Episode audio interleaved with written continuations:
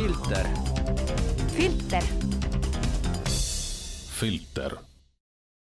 tere, kallid kuulajad, taas kord eetris Filtri saade. stuudios on Aare Baumer ja Jaan Tepp, meil on nüüd äh, valimiste päev selja taga, hetkel pannakse kokku meil uut koalitsiooni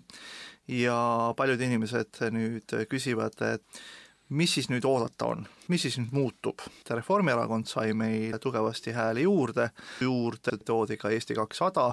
teiselt poolt EKRE kaotas oma positsioone, aga ikkagi inimesed on segaduses, et mida nüüd oodata on, et kas asi liigub stagnatsiooni poole või on mingisugused uued dimensioonid meil siin avanemas. Aare, mida sina nüüd reaalselt eeldad, et, et tõesti valimised on läbi ja, ja uus mingisugune tuul on tulemas, et see tuul toob meile mingisuguseid olulisi muudatusi või pigem läheb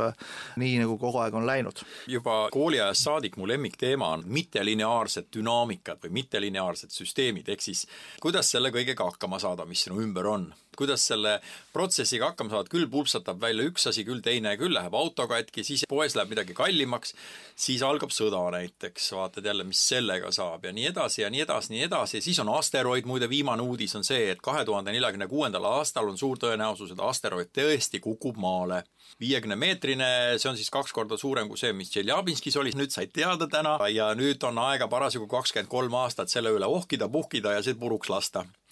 või kõrvale juhtida. tõenäosus on üsna suur, lihtsalt on kohe päriselt, päriselt suur. ta on viiskümmend meetrit, eks ole, ei ole kuutekümmetki, et kui sa küsisid nüüd valimiste kohta, siis mina usun seda, et riik kui säärane on nii suure inertsiga ehk siis kiirus on olemas, kiirus on aja liikumise kiirus sekund sekundis, aga Eesti riigi mass, selles mõttes see sotsiaalne mass ja, ja selle energiakasutuse mass ja selle kõigi nende protsesside mass on nii suur, kui me nüüd tahaksime seda asja kuidagi üheksakümmend kraadi keerata, et ega see vist päris hästi ei õnnestuks, et siis oleks ühes Veltsi ulmejutus, ma ei mäleta tema täpset nime, aga siis ta ütles, et jääge kõik seisma. tema lendas ka algul kaasa, sest ta ütles, et ma pean ellu jääma, aga siis kõik ülejäänud lehmad ja majad ja kõik, mis seal olid, lendasid tohutu kiirusega, sest maakera pöörlemine jäi seisma. eks meil on olnud ju tegelikult selliseid loomingulisi inimesi või selliseid, kes on läinud Riigikokku midagi kohe ära keerama, umbes nii, et esimesel tööpäeval keeratakse midagi ära. aga inimene tavaliselt ju usub, et kõik jääb alles. ehk siis ta mõnes mõttes usub ju seda, et riigikord kehtib ja et kõik kehtib. no ma haaraksin korraks sõnast kinni, et inimene usub, et riigikord kehtib, aga nüüd on see väga oluline asi, et kuigi sa ütled, et riik on selline nagu inertne suur. ja suur ja liigub aeglaselt, siin ei ole mitte mingit pistmist usuga. sa võid uskuda seda, et riik läheb uppi või maailma lõpp saabub või asteroid tabab maad ja, ja nüüd on see, et hakkab pihta selline mõnes mõttes mittedünaamiline Browni liikumine inimeste tasandil ja mis tekitab ka väga suurt paanikat. ja kui see paanika hoog nüüd läheb liiga suureks, siis sellele esimesena reageerivad turud. inimene küsib, et mis, mis selle Tartu maantee turuga või keskturuga siis siin ka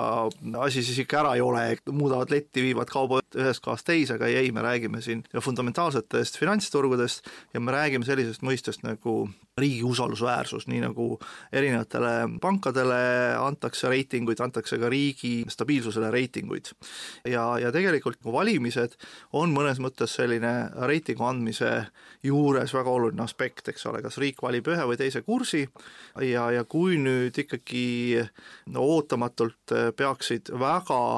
kas uued jõud välja tekkima või siis mõnes mõttes tagurlikud jõud tekivad, kes ütlevad, et meil on mingid väga ulmeteemad, siis kuigi riigisüsteem on, nagu me ütleme, inertne ja liigub aeglaselt, muudatusi kiiresti ei saa teha, siis mikrotasandil, milleks on erinevate seaduste muutmised, sellega võib muuta selgelt ühiskonna sellist väljakujunenud tasakaalu, et ehk põhimõtteliselt riigisüsteemi eesmärk on hoida inimest õnnelikuna, hoida teda rahulolevana ja, ja mõõdupuuks on mõnes mõttes skp ja siis palju meil ikkagi seda raha taskus on. kui tekivad uued jõud, siis esimene küsimus on see, et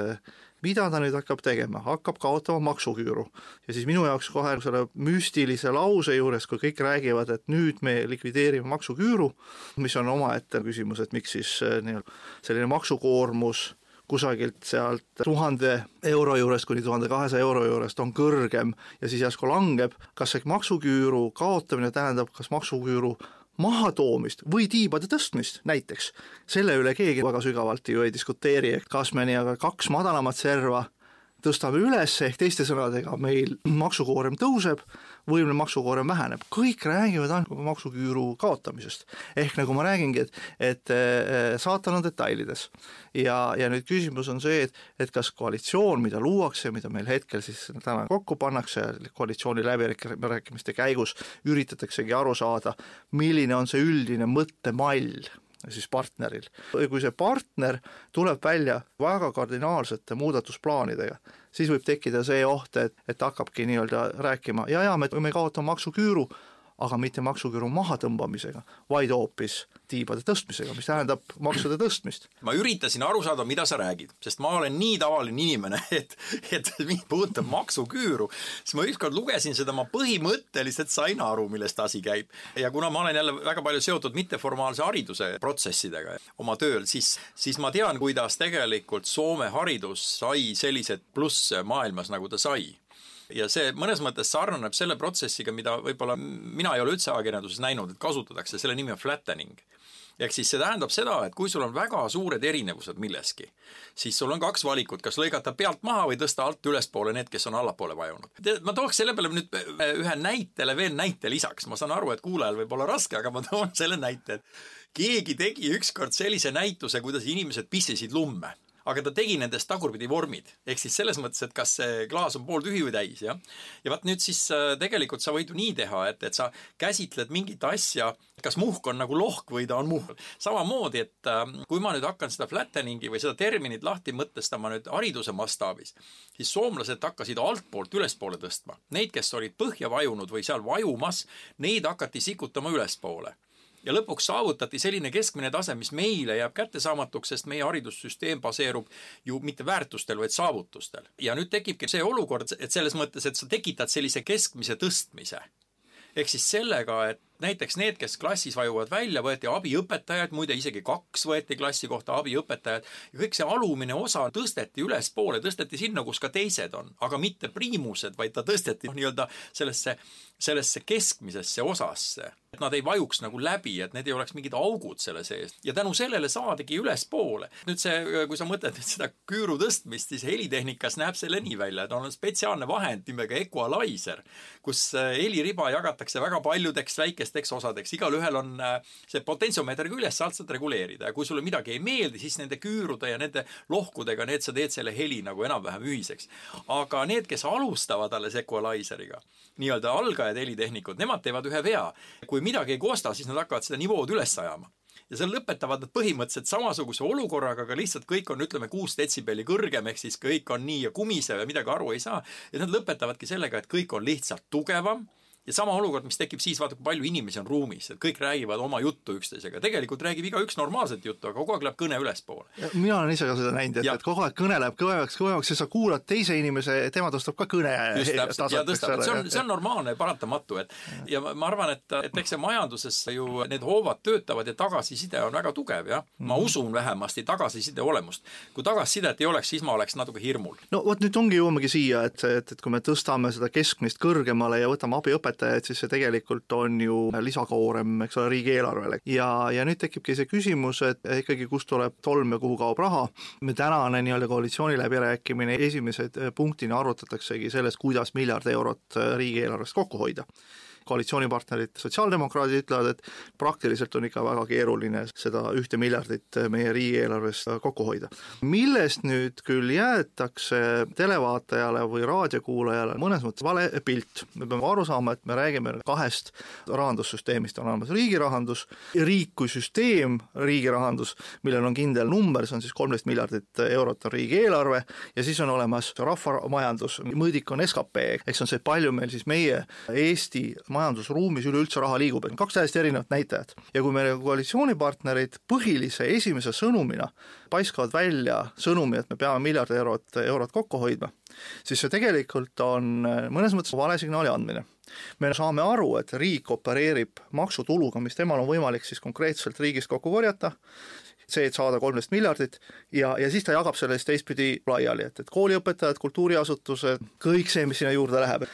ja, ja loomulikult nüüd tehakse prognoose eelmise perioodi äh, maksulaekumiste pinnal. Ja nüüd meil on hetkel on majanduslangus ja majanduslanguse olukorras me selgelt näeme prognoosi, et me ei saa seda oma riigieelarvet täis, me peame kusagilt kokku hoidma. Ja nüüd sisuliselt koalitsioonipartnerid arutavad selle üle, unustades ära, et riik tervikuna ei ole ainult riigiaparaat ega ainult see kolmteist miljardit eurot, vaid riik tervikuna on kõik meie kodanikud, meie ettevõtjad, meie firmad, ühisfirmad, pangad, kogu see rahamass, mis tegelikult siin liigub, mu see number, see on vist umbes sada viiskümmend miljardit või natukene rohkem, on see rahamass, mis Eestis ringleb erinevate ettevõtete vahel,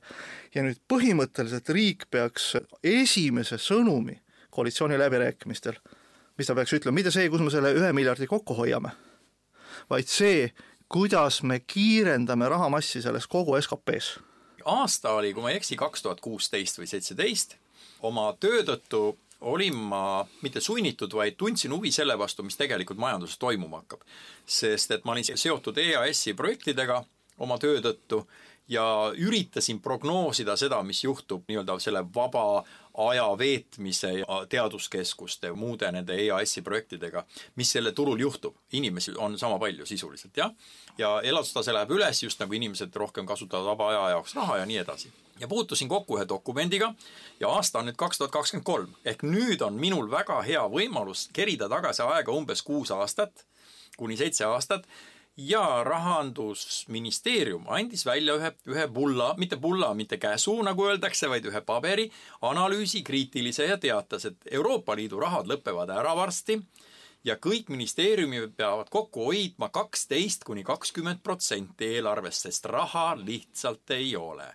kaks tuhat kuusteist, seitseteist ei olnud Ukraina sõjast ka mingisugust, kõik põhimõtteliselt said aru, et mingi probleem on, aga sõjani ju loomulikult ei lähe. ja kui sa nüüd keriksid ennast tagasi kaks tuhat seitseteist olukorda, kas sina teadsid, et selline paber on olemas, see oli audit muide, see oli jah, Rahandusministeerium, Riigikontrolli audit, mis ütles, et ministeeriumid planeerivad lähiaastatel samasugust kasvu ehk siis kuni kakskümmend protsenti ülespoole, aga tegelikult eurorahade lõppemisega läheb see hoopis allapoole, mis tekivad kolmekümneprotsendilised käärid ministeeriumite eelarves ja mitte keegi nagu sellega ei arvesta ja minu küsimus on nüüd selline, et kas sinule keegi seda juttu rääkis? Põhimõtteliselt ma jah, olin teadlik sellest, et Euroopa Liidu rahade osakaal väheneb, sellist noh, nii-öelda pullast, nagu sa ütlesid, ma teadlik otseselt ei olnud, et selline asi ringleb, kuna ma olen seotud natukene ka kohalike omavalitsustega volikogude tasandil, on olemas kohalike omavalitsustele suunatud tasandusfond ja sellest on juba pikalt räägitud, et see tasandusfondi summad pidevalt vähenevad just tänu sellele, et, et Euroopa Liidu poolt panustatud rahasumma väheneb,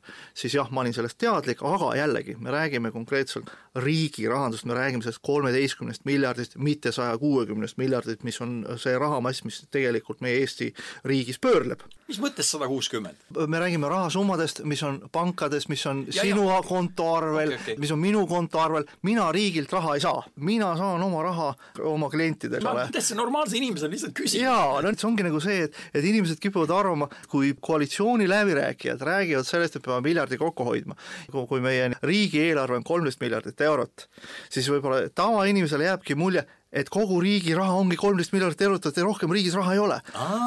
tegelikult päriselt ka no täpselt nii ongi ja nüüd tekibki see moment, et riigijuhid ei pea tegelema sellega et mõelda, kuskohast selle kolmeteistkümne miljardi juures üks miljard kokku hoida, vaid nemad peavad mõtlema see, et kuidas sellest saja kuuekümne miljardist tekitada kolmsada kuuskümmend miljardit. millised peaksid olema nüüd need riiklikud meetmed, et see raha siia meelitada. ja selleks on, nüüd ongi erinevad meetodid, et see on, et riik prioritiseerib oma majandusvaldkonnad ja ta ütleb, et meie anname näiteks riigigarantii konkreetsetele mingi suurtele infrastruktuuriobjektidele. luuakse siis projektikonsortsiumid, kas rahvusvahelised konsortsiumid, riigi et-, Eesti ettevõtete pinnal konsortsiumid ja ühe või teise objekti valmimiseks, nii nagu juhtus meil Paldiski õnnetu haalamiskaiga, riik ju põhimõtteliselt andis sinna oma garantii, et, et mina olen kindel, et see asi peab valmis, seal küll on muud tehnilised probleemid, miks see ei läinud käiku, seal on need äh, erinevad puuduvad äh, mingid käpad, millega oleks siis saanud konkreetselt seda gaasi sealt kätte, no see on teine küsimus, aga kai ehitajatele põhimõtteliselt anti riigi garantii. garantii nüüd ongi konkreetselt see asi, mille peale nüüd needsamad ettevõtjad said rahvusvahelistelt kapitaliturgudelt võtta peale selle vajamineva rahasumma selleks, et see kai valmis ehitada. ehk nüüd tulemegi selle pildi juurde, et riigi roll ei ole esimene, koalitsiooni läbirääkimiste esimene punkt, millele tähelepanu pööratakse, on see, et kuidas me hoiame miljardi eurot kokku. koalitsiooni läbirääkimiste esimene punkt on see, kui palju peaks riik andma erinevaid garantiisi erinevatele suurtele infrastruktuuriobjektidele, mille tulemusena majandusse tuleb raha juurde rahvusvahelistelt kapitaliturgudelt. see kõik on selline, see kotkas lendab üle Eesti kõrgelt, Kalevipoja kotkas, ja siis ta vaatab seda pilti ja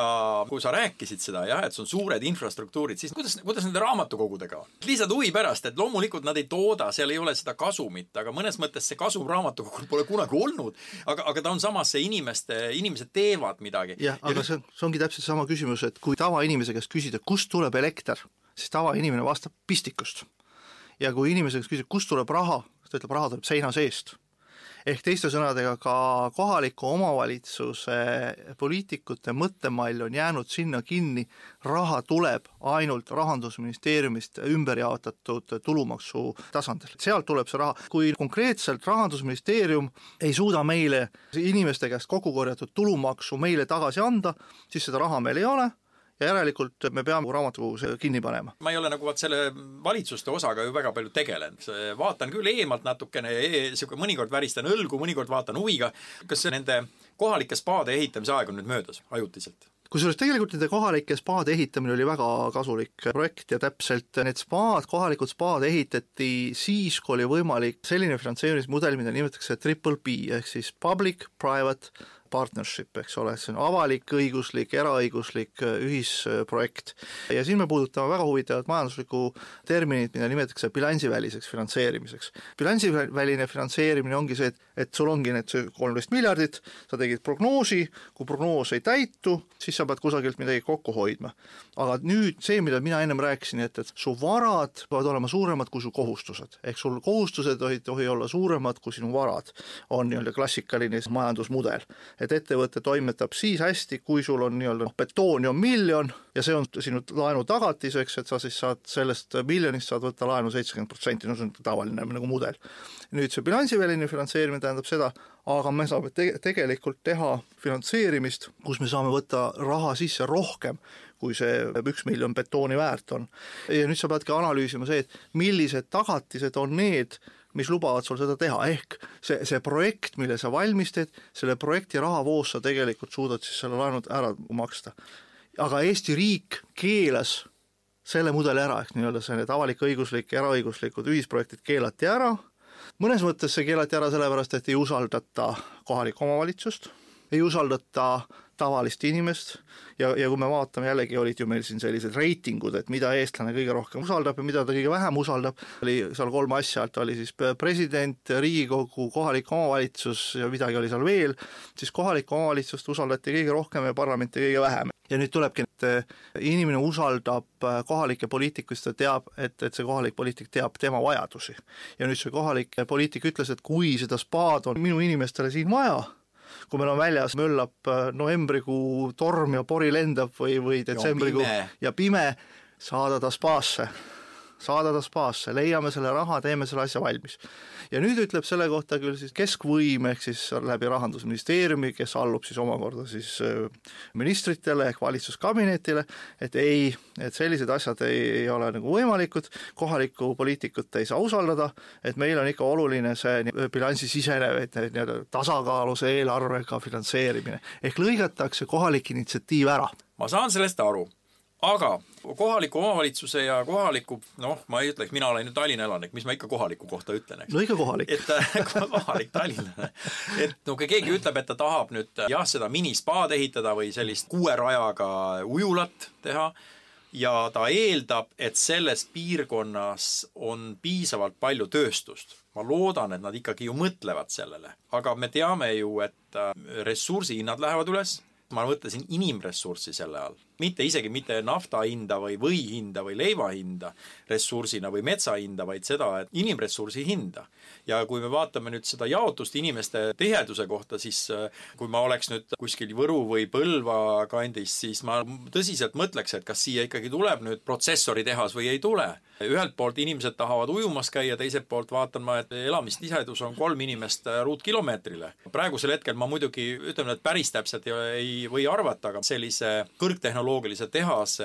tooli istekoht maksab umbes kakssada kuni kolmsada tuhat euri. Kujutad endale ette, et kui sul ei ole enam selles kohas inimesi, kui me nüüd räägime seda üldine ja kohalik, kõik, mida, mida toodetakse, on põllumajandus, mis on tegelikult ju tooraine, vääristamata tooraine ja siis sa võtad laenu õndsas usus, et kõikidel inimestel on hea olla, kui nad seal kuuerajalise spordi, selle, selle ujulas ujuvad ja spaas käivad, kas natukene populism, nagu öeldakse, või midagi? õige,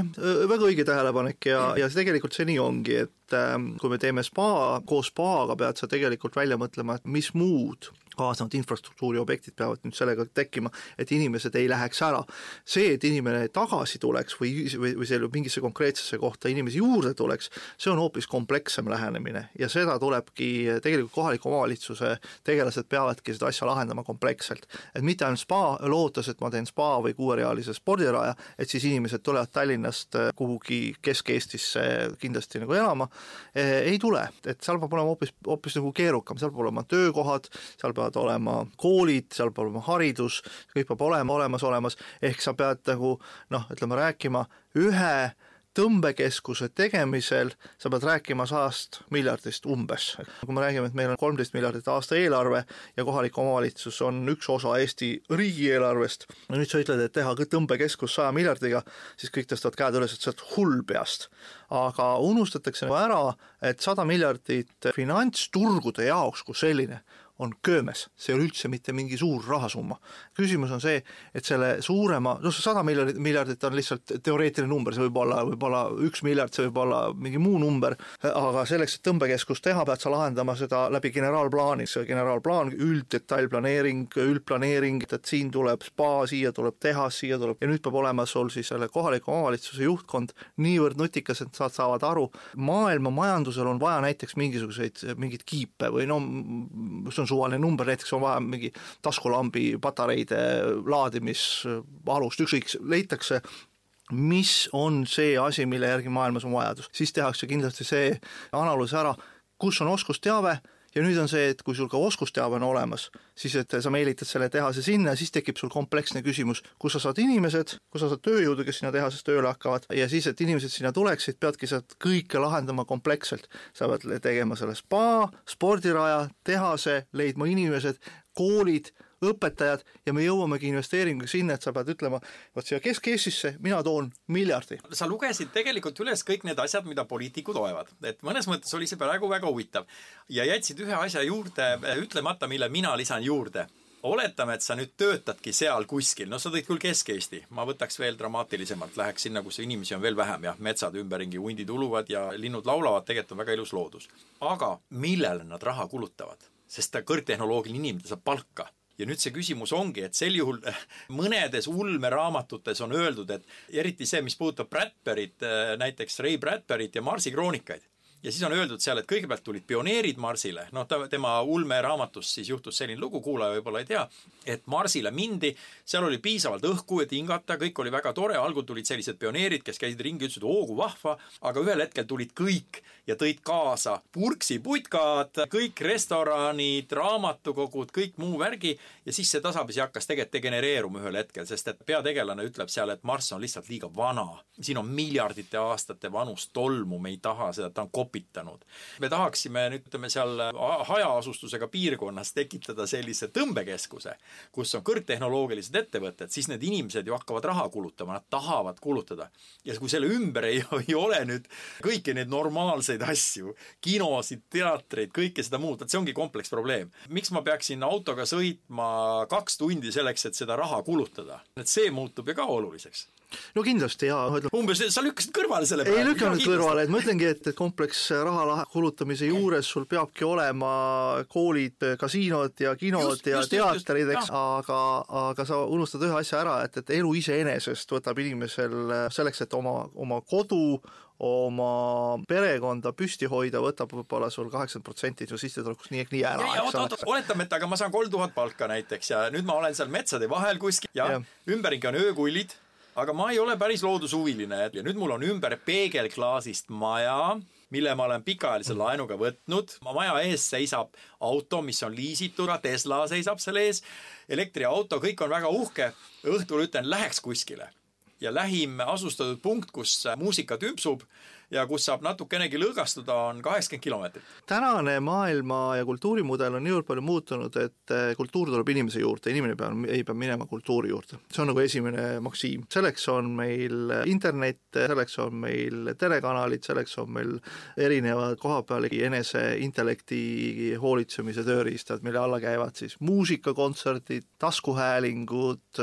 Youtube'id, noh kõik see ikkagi tuleb sul täna koju ära. lisaks, kui sa tahad nüüd üle ülejäänud raha ära kulutada, lepidki oma ülemusega kokku, et, et ma nüüd võtan mitte kolmkümmend päeva puhkust, võtan kolmkümmend viis päeva puhkust ja ma sõidangi Mallorcale ja kulutan seda raha seal näiteks, et nüüd me läheme küll väga kaugele, aga mida ma tahtsingi nagu rääkida, on see, et iseenesest äh, täna ikkagi kultuur kui selline ongi nähtus, mis tuleb inimese juurde, kas või raamatu näol, et meil siin laua peal on ka kaks raamatut, näed, kultuur tuleb ise, ise meie juurde, me saamegi rääkida selles võtmes, et, et kompleksne majandusprobleemi lahendamine, meie koalitsioon ütleb, et majandus on isereguleeruv, ta peab iseendaga hakkama saama, inimene peab iseendaga hakkama saama ja riik peab sekkuma võimalikult vähe kodanike ellu, ehk see on nii-öelda siis täisliberaalne maailmapilt, mida meil täna Reformierakond eesotsas, Eesti kahesaja ja sotsidega üritavad siis meile nagu maha müüa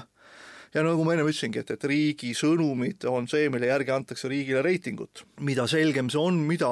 stabiilsem see on mõnes mõttes, seda kõrgem on see reiting, seda kergemini tulevad ka need muud ressursid riiki ja me võimegi luua sellise, mõnes mõttes sellise näidisühiskonna kusagil Kesk-Eestis, et kohaliku omavalitsuse juhid panevad pead kokku, ütlevad, et, et võtamegi selle miljardi ja teemegi siia ühe tehase, Tesla mingisuguse komponendi tootmiseks ja, ja siis tekibki see, et, et hakkame seda tegema, eks ole, hakkame tegema, aga nüüd ongi, et see, kas keskvõim ja kohalik võim suudavad üksteisest ühtemoodi aru saada. siin oli päris huvitav, et kohe meil tekkis ju vahekord juba sisse, ma näen selle vestluse käigus, et Exceli tabel versus narratiiv. ma ei ütleks, et see on Taavet ja Koljat, aga et kas need on nagu valged jõud ja mustad jõud.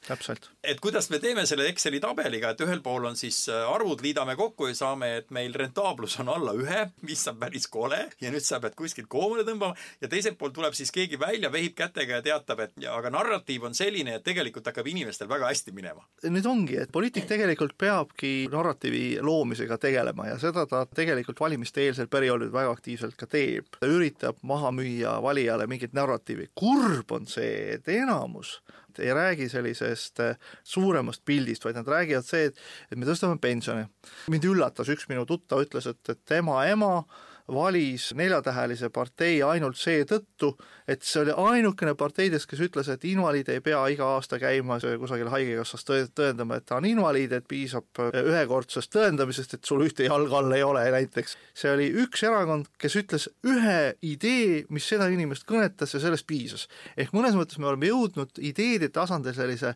õllevorsti kauplemise mingisuguse kõrtsmiku lubaduste tasandile.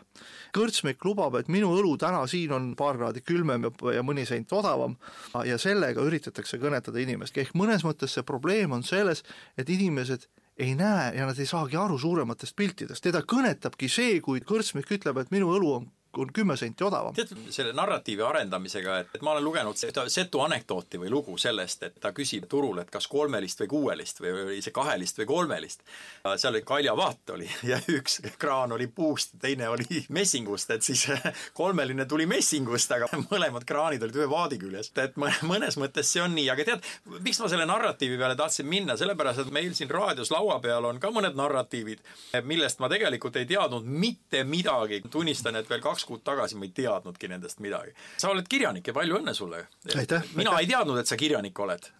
kui ma hakkasin lugema neid, siis ma sain aru, et äh, see on sedasorti narratiiv, mis jääb sinna siis lugu, et noh, võib-olla narratiiv on võib-olla liiga modernne sõna, ma ütlen, et see on sedasorti müstiline lugu, mis jääb sinna kuskile, paranda mind, kolme-neljasaja aasta kaugusele või? Napoleoni sõdade aegne Euroopa ja Vahemeri miks sa, miks sa kaugemale ei vedanud, näit-, ma olen lugenud näiteks selliseid ju kirjatükke, mille nimi on äh, a la, et Kuka ja Kakud võtsid koos, läksid irvejahile, lõid nuiaga irve maha, et lastele loodud lood. ja, ja ma millegipärast olen ka tähele pannud, et Eesti äh, ulmekirjanik, äh, ajalookirjanik kipub ajalugu mõistma kas siis kuidagi keskajast me võime mitmeid nimetame siin, kes on kirjutanud selliseid keskaegseid lugusid. keskaegsete lugude kirjutamise juures natukene teeb ettevaatlikuks see, et sa ei saa minna detailis täpseks, sest sul ei ole neid väga täpseid detaile selle kohta piisavalt palju. või teine asi on see, et, et tolleaegsed detailid ei pruugi olla üheselt mõistetavad tänapäeval. ma olen alati toonud seda näidet, et kui keskajal, nii, et leiti ühel hetkel hetkel vanadest arhiividest mingi ürik ja seal oli porine plätakas peal, ma olen seda varasematest saadetest ka rääkinud, siis ajaloolased hakkasid mõistatama, miks on ühel ürikul porine plätakas ja nad ei suutnud välja mõelda, kuni lõpuks pika uurimise järgi nad said teada, et näiteks hariduseta või kirjaoskamatu aadlik, kui tema tegi, andis oma maatüki rendile, siis ta ei osanud sinna midagi muud kirjutada, vaid ta teadis, et on paber, mis on müstiline, omab sellist müstilist jõudu, siis ta võttis selle maatüki, mille ta andis rendile, võttis sealt ühe mätta, surus selle mätta sinna paberi peale ja see oli tehingu kinnituseks. ja kujutad sa nüüd ette, sa pead suutma selle narratiivi kaasaegsele inimesele ära seletama ja see on, see on suhteliselt raske, miks ta seda tegi ja selliseid juhtumeid kaugel keskajal on väga palju. ja siin nüüd tekibki see võimalus, et kirjanik detailide vähesuse tõttu peab oma narratiivi püsti hoidmiseks kasutama hästi värvikaid nii-öelda selliseid juhtumeid või episoode. ja ta peab tunduvalt rohkem fantaseerima sul on see piir usutavuse ja mitteusutavuse vahel nihkub rohkem mitteusutavuse suunas. Ja see on mind natukene nagu ettevaatlikuks teinud ja see on ka see põhjus, miks mina oma kahe romaaniga juures olen toonud tegevuse siis natukene lähemale, tuhat seitsesada lõpp, tuhat kaheksasada algus, ehk siis äh, Napoleoni sõdade aegne, jällegi paljud meie Eesti ajaloolised kirjanikud kirjutavad tegelikult Eestist. no see on selline nagu vaikiv kokkulepe, et Eesti kirjanik peab kirjutama Eestist, ja, ja kui sa kirjutad mingist muust äh, alast, et, et see ei ole justkui nagu eestlane tahab ikkagi oma maad ja kultuuri tõsta ja kirjuta Eesti asjast. minu jaoks ikkagi nagu Eesti on küll väga armas kodukoht, kus ma olen aga maailma asjad ei toimunud Eestis. ma sain selle raamatu kätte ja selle pealkiri oli Maria Theresia Taaler ja mina mõtlen, et millal see taaler tuleb, tead, ja loen väga üksikasjalisi kirjutisi ja siis vahepeal ta sealt kuskilt tuleb välja, siis kaob jälle ära. sa valisid selle teema nagu kohe meelega nii või sellise pealkirja? Maria Theresa Taaler, nüüd jällegi, et me peame rääkimagi, et, et miks just see Napoleoni aegne periood mind äh, nagu huvitab, on see, et et me räägime küll keskajast hästi palju, siis oleks nagu vahepeal tuhat aastat nagu poleks mitte midagi toimunud, siis me hakkame rääkima siis esimesest maailmasõjast, siis me räägime teisest maailmasõjast, võib-olla maailma revolutsioonist, aga me unustame ära, et suur Prantsuse, uljas Prantsuse konsul Napoleon Bonaparte muutis kogu Euroopa ja kultuuripilti täpselt samamoodi ja tunduvalt olulisemalt kui nii mõnigi keskaegne või hilisem ajalooline sündmus. aga millegipärast ei ole sellele perioodile üldse siis vähemalt meie eesti kirjanduses tähelepanu pööratud. ja, ja tõesti, see esimene raamat, mis meil siin laua peal on, on see Maria Theresia Thaler, on küll nüüd juba trükivalgust näinud juba aastal kaks tuhat kaheksateist ja nüüd see teine raamat, mis on selle järg, mille pealkiri on siis Meenäppaja, on siis selle esimese raamatu teine osa, et peategelased mõnes mõttes liiguvadki eh, oma tegevustes edasi, kui nüüd esimese romaani juures tegevus toimus hästi palju siis Vahemerel, algab seiklus siis Itaaliast ja liigub edasi üle Vahemere Põhja-Aafrikasse ja analüüsib, vaatab siis nii-öelda neid tolleaegseid Napoleoni aegseid Põhja-Aafrika ühiskondi tegevus toimub siis Tunises ja, ja ühtlasi ka linnas nimega Nefta, kus oli väga tugev sufide kogukond. see raamat on mõnes mõttes ka selline maagilis-realistlik, nagu ma seda ise nimetan, ja nagu ma ennem ütlesin, et äh, narratiivi juures on äh, see usutavus väga oluline. usutavus tekib siis, kui sul on piisavalt detaili. et miks ma ei taha kirjutada keskajas, sellepärast et see detail ei ole ühelt poolt, detaile ei ole piisavalt ja need detailide siia meie kaasaega toomine muudab selle teksti natuke kunstliku, kui me räägime nüüd natuke lähemast perioodist, siis meil on selliseid, aurumasin oli juba leiutatud, eks ole. Napoleoni ajal olid esimesed telegraafi alged, nad olid küll siis Napoleoni telegraaf, võib-olla kui sa tead, oli, eks ole, see valguslaikudega toimus äh, ma lisan siia juurde, sa ütlesid valguslaikudega, aga tegelikult minu äh, lapsepõlve üheks romaaniks on Monte Cristo muidugi, kus Napoleon on üsna tugevalt sees ja, ja minu teada Monte Cristo maksis äh, talle kas kolm või neli tuhat franki, et ta liigutaks neid käpakesi natuke teisiti, mille tulemus on üks pankur, kuidas öelda, jäi kahjumisse ja tema ja, pangaga oli põhimõtteliselt kõik. et ta tegelikult just. andis valg-, valguslaike edasi valesti. jaa, et ta andis just, täiesti just, edasi selle aga tema oli, Napoleoni loetakse esimeseks telegraafi isaks tegelikult, eks ole. kusjuures see lause oli veel niimoodi, et vabandust, ma korra sisse sõidan, aga selle, aga see lause oli veel selline, et ju tegelikult on seal taga nagu ajalooline taust, sest et seal anti edasi telegramm põhi põhimõtteliselt, et äh, inglise keeles äh, oli Napoleon defeated siis oli paus ja, ja siis läks edasi. ja nüüd seda lauset, nüüd sa mõtled, võid ju eraldi öelda niimoodi, et kas Napoleon sai, kas ta, kas ta nii-öelda andis alla põhimõtteliselt või siis tema vastupidi võitis selle, et ja, jäigi viiskümmend, viiskümmend. mille peale siis ma arvan, börsitehingud tegelikult olid seal ikka väga-väga imelikud. just, just, et minule väga see aeg ja ajastu, just see Napoleoni aegne Euroopa, kus ju samamoodi impeeriumid lagunesid, impeeriumid kadusid, kirikud reformeeriti ümber. me teame ju Prantsuse katoliku kirik, mida tuntakse Gallia kiriku nime all, ju sisuliselt ta lakkas ju olemast, et kui me oleme näinud erinevates hilisemates erinevates äh, kataklüsmides, esimese ja teine maailmasõda, voorimas põgenike sõjajalus, siis Napoleoni sõja ajal Euroopa nägi voorivaid äh, vaesunud kirikuõpetajaid, kes kõik põgenesid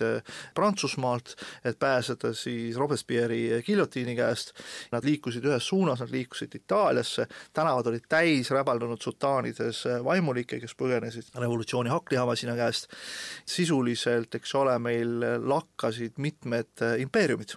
sellest ei ole meie äh, ajaloo käsitluses piisavalt palju kirjutatud. ja ma leidsin, et see pakub mulle huvi, aga ma ei tahtnud olla kuiv ajaloo uurija, et ma ikkagi olen ilukirjanduslikku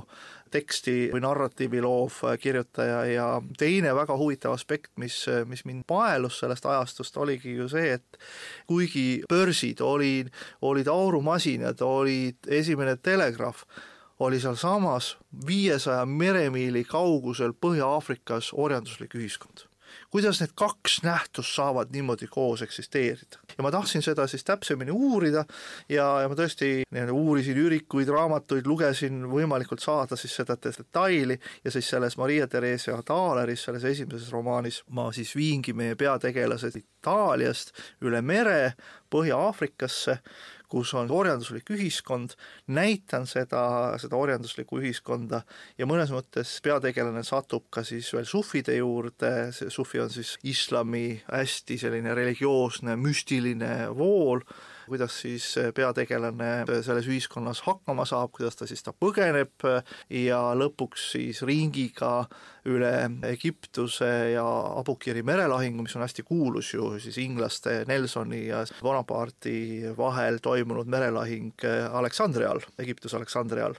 kus praktiliselt kogu Napoleoni suur merevägi hävitati Nelsoni poolt. Ja siis ma toon ka siis selle merelahingu detaile sellesse raamatusse ja lõpuks siis peategelane jõuab ringiga tänase Türgi aladele, Antiookiasse, Efesosse, kus me jällegi, ma ei tea, kui paljud kuulajad teavad, et evangelist Johannes on ju maetud ju tegelikult ju Efesoses, tema haud on seal. mina olen selle haua, haua juures käinud, täna Efesos on Türgi alal siis türklased teevad kõik selleks, et ta jumala pärast ei saaks palverännaku keskuseks. sa pead ostma ma ei tea kui kalli pileti, siis evangelist Johannese hauaplatsi märgistab üks pisikene kivikene, siis öeldakse, näed, siia on maetud evangelist Johannes. ja kui keegi tahab hakata seda kohta kuidagimoodi esile tõstma, siis Türgi võimud teevad kõik selleks, et seda, seda ei õnnestuks. aga mina nüüd tahtsingi ikkagi aru saada, kuidas evangelist Johannes toimetas seal, konkreetselt selles kultuuriruumis, nagu ta seal oli, ja kuidas ikkagi selle Johannese hauaordu, ordu tegemised seal Efesoses aset leidsid Napoleoni ajal, kui just, just oli kogu see ala nii-öelda nagu türklaste poolt üle võetud. praegu tõidki nüüd selle välja, väga huvitav, et sa ütlesid, sa oled põhjalikult uurinud ja minul jälle meeldib väga üks selline võõrsõnade seos, selle nimi on siis historiograafiline metafiktsioon. ütlen ära kohe, et see tähendab siis ajaloolist mitmetasandilist fiktsiooni, mis, mis baseerub teatud ajaloolistele tegevustele. ja, ja ma toon siin ühe naljaka episoodi sisse oma noorpõlvest, sest lapsepõlves ma ei saanud seda raamatut lugeda. Sa kasutasid siin Napoleon ja, ja Nelson ja nimelt siis kuulus loodusuurija, kes praeguseks on küll surnud, Gerald Tarrel. ei tundnud mingit huvi, tema huvi oli rohkem seotud kärnkonnade sisalike skorpionite ja igasuguste linnukestega ja kui talle koduõpetaja võeti siis see sai aru,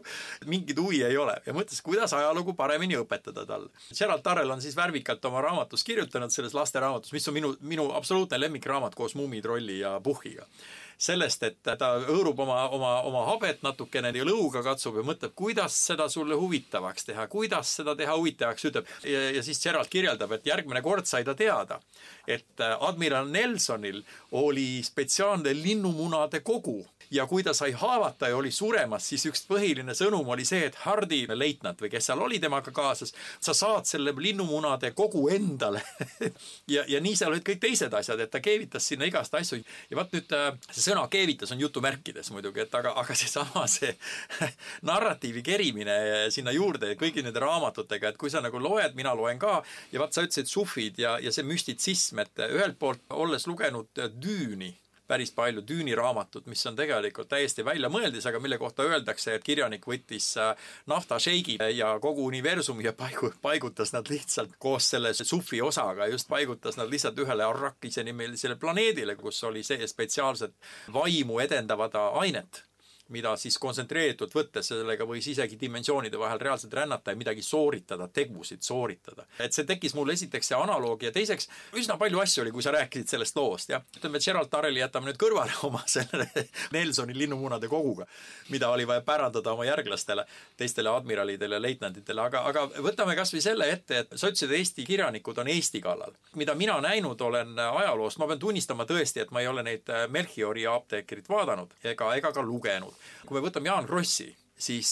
noh, ma saan aru, ka filmi kvaliteedis oli küsimus, selle filmi materjali ja kui filmi tehti. võtame nüüd siis selle Baltasar Russovi ja need te teatud detailid, siis seal on ju tegemist äh, sellise olukorras, hästi pime on kogu aeg. vaata Eestis, et niipea kui sul tuleb talv, sul ei ole suurt midagi kirjutada ja nagu kui sa nüüd tahtsid selle Araabiasse üle viia, mõtlen ikkagi sinna Põhja-Aafrikasse, et seal on nüüd ilus ilm, kogu aeg kõik su tegelased on siis lageda taeva all, kuskil on liiv, äh, kuskil on kaamelid ja mina kujutan kohe ette seda kõrbe kui sellist kui lagedat taevast, et, et see annab selle avalduse tekiks paralleel kohe Arrakiga, eks ole, Arraki planeeriga. jaa, et mul tekib ja, kohe ja, see Düüniga paralleel, et ja seal on seda müstikat, seda äh, kõrb ärkab. jah, täpselt. eks see päike oli kindlasti üks motiiv, et mulle tegelikult tõesti, ma olen ise nendes riikides reisinud ja rännanud ja, ja mulle nagu just see teistsugusus väga nagu meeldib. kui me nüüd räägime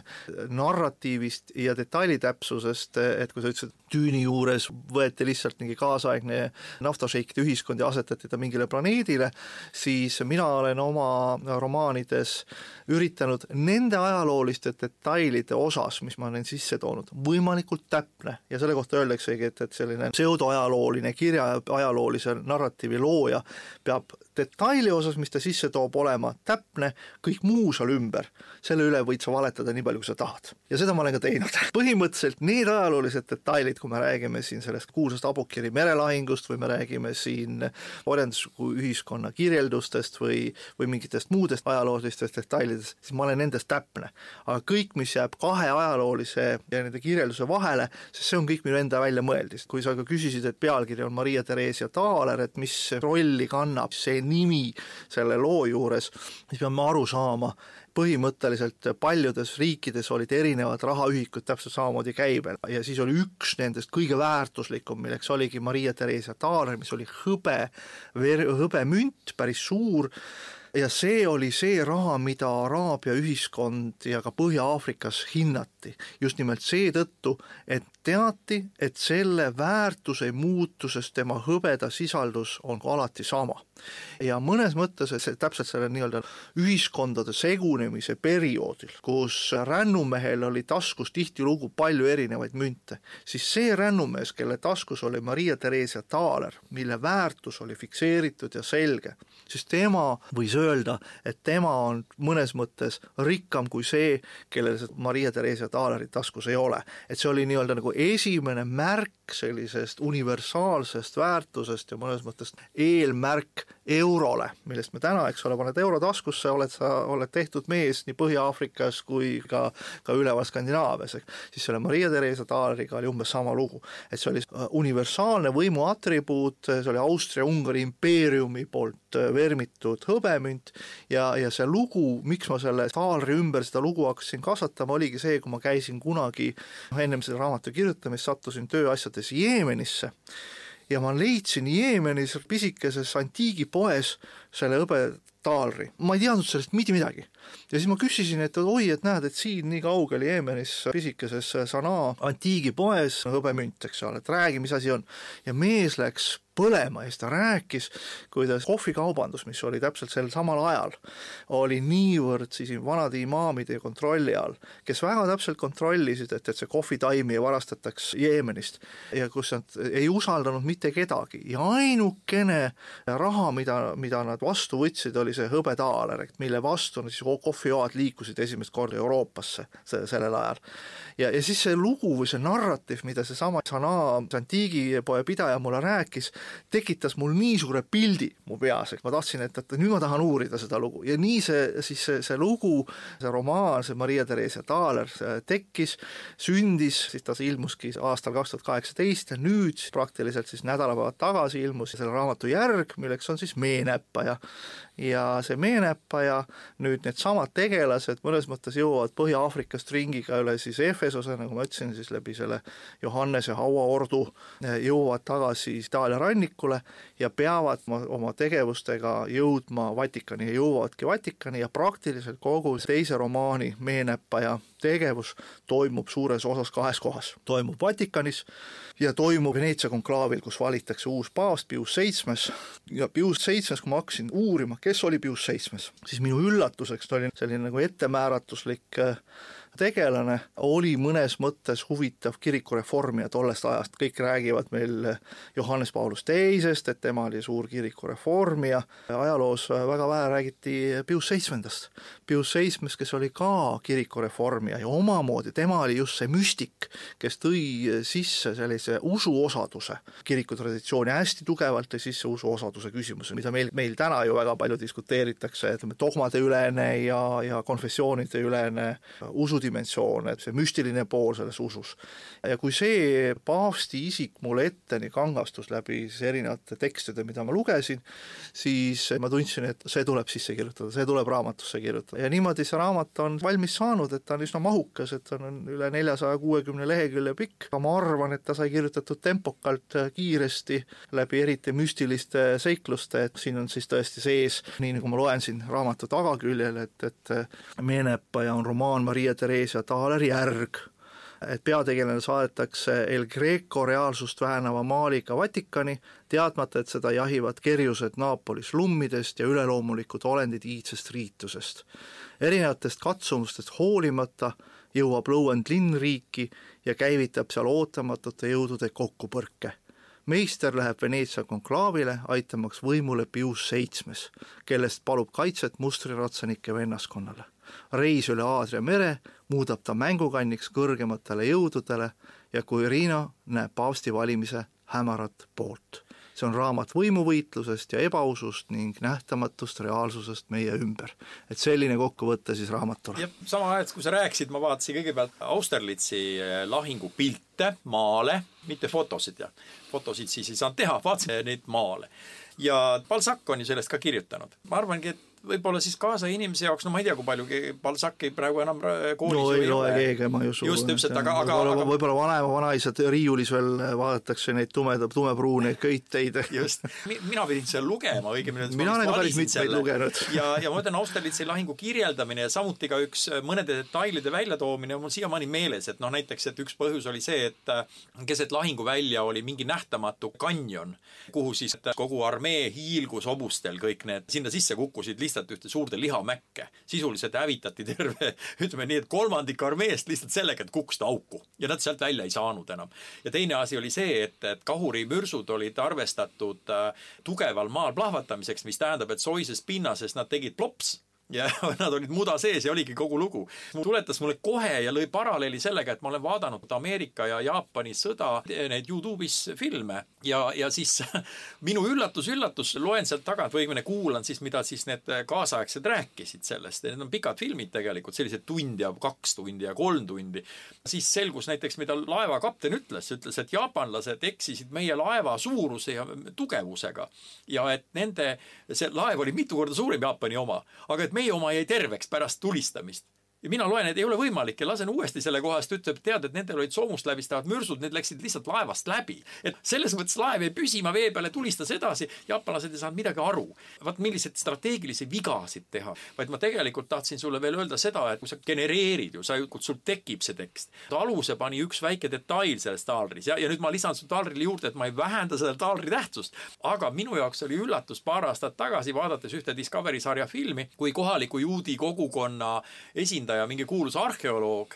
teatas, et lähema viiekümne kilomeetri raadiuses ei ole ühtegi originaalset ajaloolist eset ja kõik on järgi tehtud, kaasa arvatud ka mingid kahesaja aasta või kolmesaja või neljasaja aasta vanused õlikannud on järgi tehtud, et need lihtsalt tehakse, tehakse kriimud ka peale, just nagu oleks päris, kaevatakse maasse, oodatakse kolm-neli aastat ja müüakse maha, et see tasub ära. et see tasub ära, et vaat, vaat siin on see inimesed ostavad narratiivi. just, täpselt, nad ostavad seda lugu. ma olen ka seda ostnud, seda Balzacilt olen ostnud seda Austerlisti lahingut et seda kõike, et äh, kui me nüüd mõtleme ka seda, ütleme ka seda kirjastamise poolt, aga samas seda, et sa lood selle, siis minu lapsepõlvest, nüüd küll juba noorpõlvest jah, tuleb, lapsepõlvest tuleb meelde selline raamat nagu Tuntuks tagantjärele mis olid minu jaoks hästi oluline, aga seal oli võetud ajaloost järjest, oli. Alates seal minu arust, kas oli tuhat nelisada juba, et kõik need kohad, mis on jäänud nagu natuke segaseks, need kohad olid seal välja toodud, üritatud seletada, ajaloolased olid seal kallal käinud, aga noh, lõppkokkuvõttes ikkagi, et sa kirjutad ju juurde sellele sündmusele.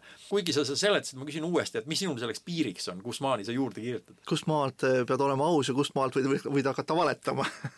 No ei, ei, mitte valetama, jutustama, vaata sa oled ju, sa oled ju jutustaja. no nii ta on, nii ta on jah, et ikkagi piir piir on see, et et kui ma räägin ühest või teisest konkreetsest äh, ajaloolisest sündmusest, näiteks paavsti valimisest Vatikani konklaavil, siis ma ikkagi tegin endale selgeks lausa selle tasandini, et, et millises ruumis konkreetselt see konklaav toimis, millised maalid olid seal äh, seinte peal, milline ilm oli sel hetkel, ütleme selliseid maksimaalselt ikkagi neid selliseid detaile, mis sa sinna sisse tood, näiteks see, et äh, sel ajal oli Euroopas väike jääaeg ja praktiliselt Veneetsia laguun Äh, oli praktiliselt kinni jäätumas, et on fakt, mida, mida tavainimesed ei tea, ma äh, viisin ühe, ühe kardinali, kes oli reaalselt toimiv, oli tol ajal kardinal, viisin ta kondliga üle selle laguuni ja nende jäätükkide vahele hulpima ja ta oleks seal praktiliselt ära uppunud, mis on ka ajalooliselt tõe, et tõesti see konkreetne kardinal, keda, kelle nime ma seal kasutan ja keda ma siis panen ta kokku põrkama tema kondlit jäätükiga, nii et see kondel lendab ümber, siis see on ajalooliselt õige. See, miks ta käis ka Veneetsias, siis selle kohta ma infot ei leidnud, selle ma mõtlesin välja. sa nagu mõnes mõttes ajaloolised detailid oled, nendes oled täpne, aga see, et kui selle detaili piirid sa oled ära kirjeldanud ja sa enam selle piiri taha ei näe, vot sealt võid sa siis panna oma narratiivi juurde. ja minu käest on ka küsitud, et, et miks on selle raamatu nimi Mee näppaja nagu meevaras, et kas see on, millega see seotud on. üks küsis, et kas on karu, et kas on kuidagi seotud karudega, et noh, karu kohta ka öeldakse, et karu on meenäppaja.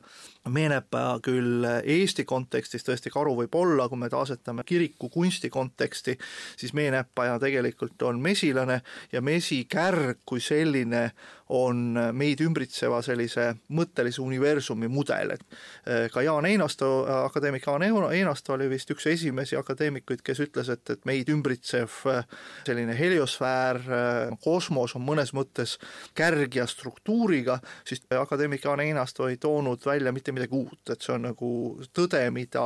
vanad filosoofid, kosmoloogid, juba antiiksed kosmoloogid on kogu aeg nagu teadnud, et meid ümbritseb mõnes mõttes selline märkide võrgustik, võrgustik,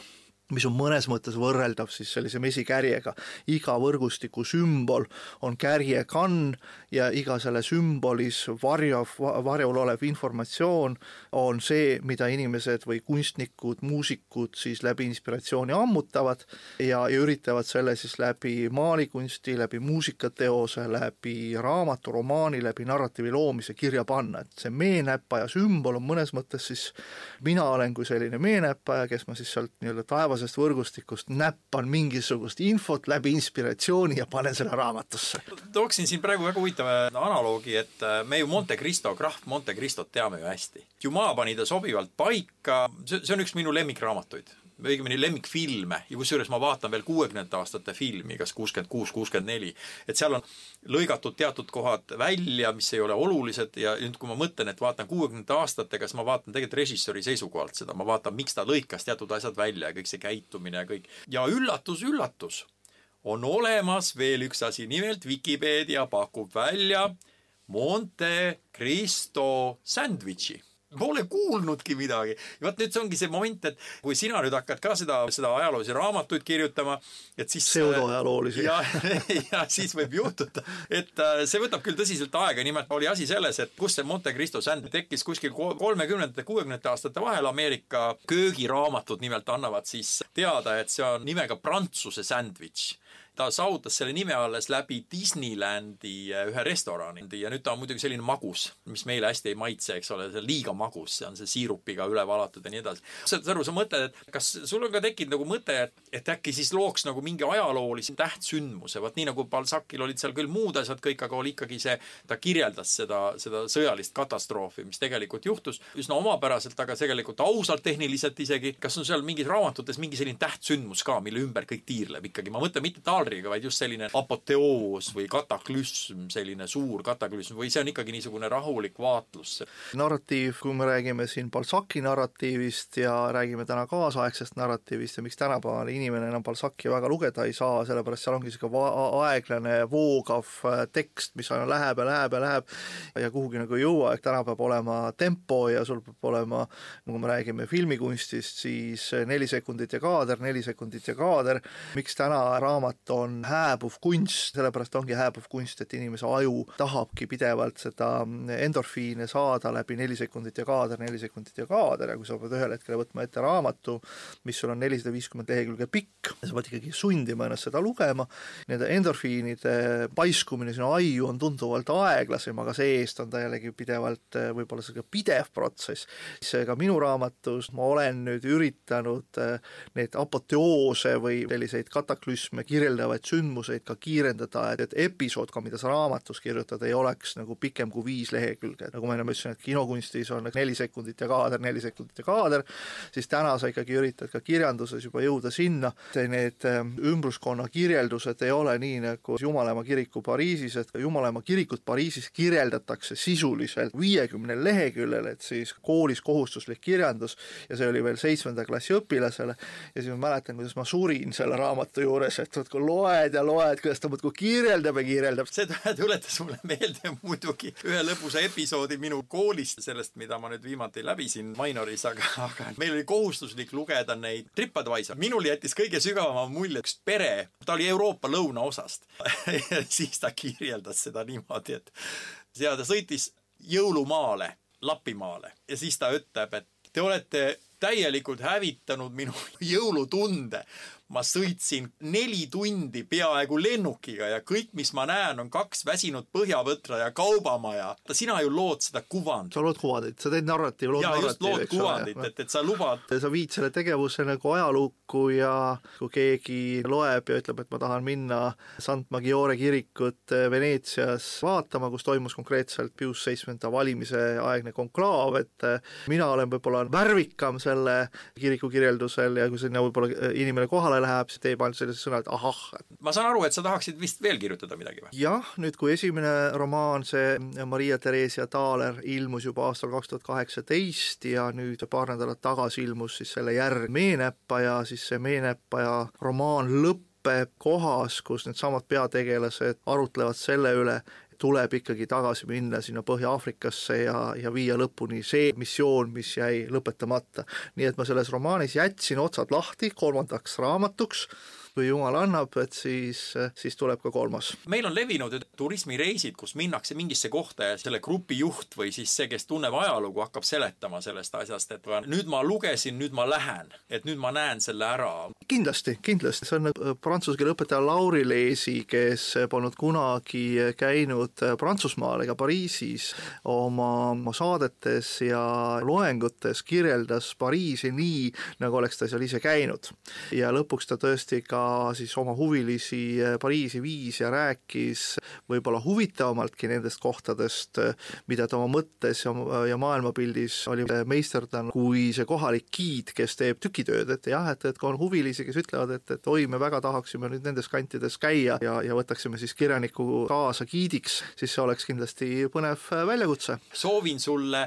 ajaloo interpreteerimisel palju jõudu ja jaksu, et eks me interpreteerime seda kõiki ju näiteks. ja no et... täpselt, raamatud on on poes leitavad, kui huvilised on, võib-olla avaneb mingi uus dimensioon. Aga tõmbame siis siin nüüd joone alla meie saatele ja on olnud tormikas reis läbi poliitilise diskursuse ja narratiivi loomise, et, et diskursus ja narratiiv peab olema laiem kui vaid arutelu selle üle, et kas õlu on külm või soe ja jõudsime siis selleni, et kultuur tuleb ise meie juurde, et ilmtingimata me ei pea istuma Teslasse ja sõitma kuhugi kultuuri otsima. kultuur tuleb siis teie juurde ka läbi selle, kui te lähete raamatupoodi ja ostate raamat. ja mõtelge lugusid juurde. aju peab kogu aeg tööd tegema. kultuur, see on lugu. kultuur on narratiiv. sellega me siis lõpetame, kallid kuulajad, saates olid Jaan Tepp ja Aare Baumer.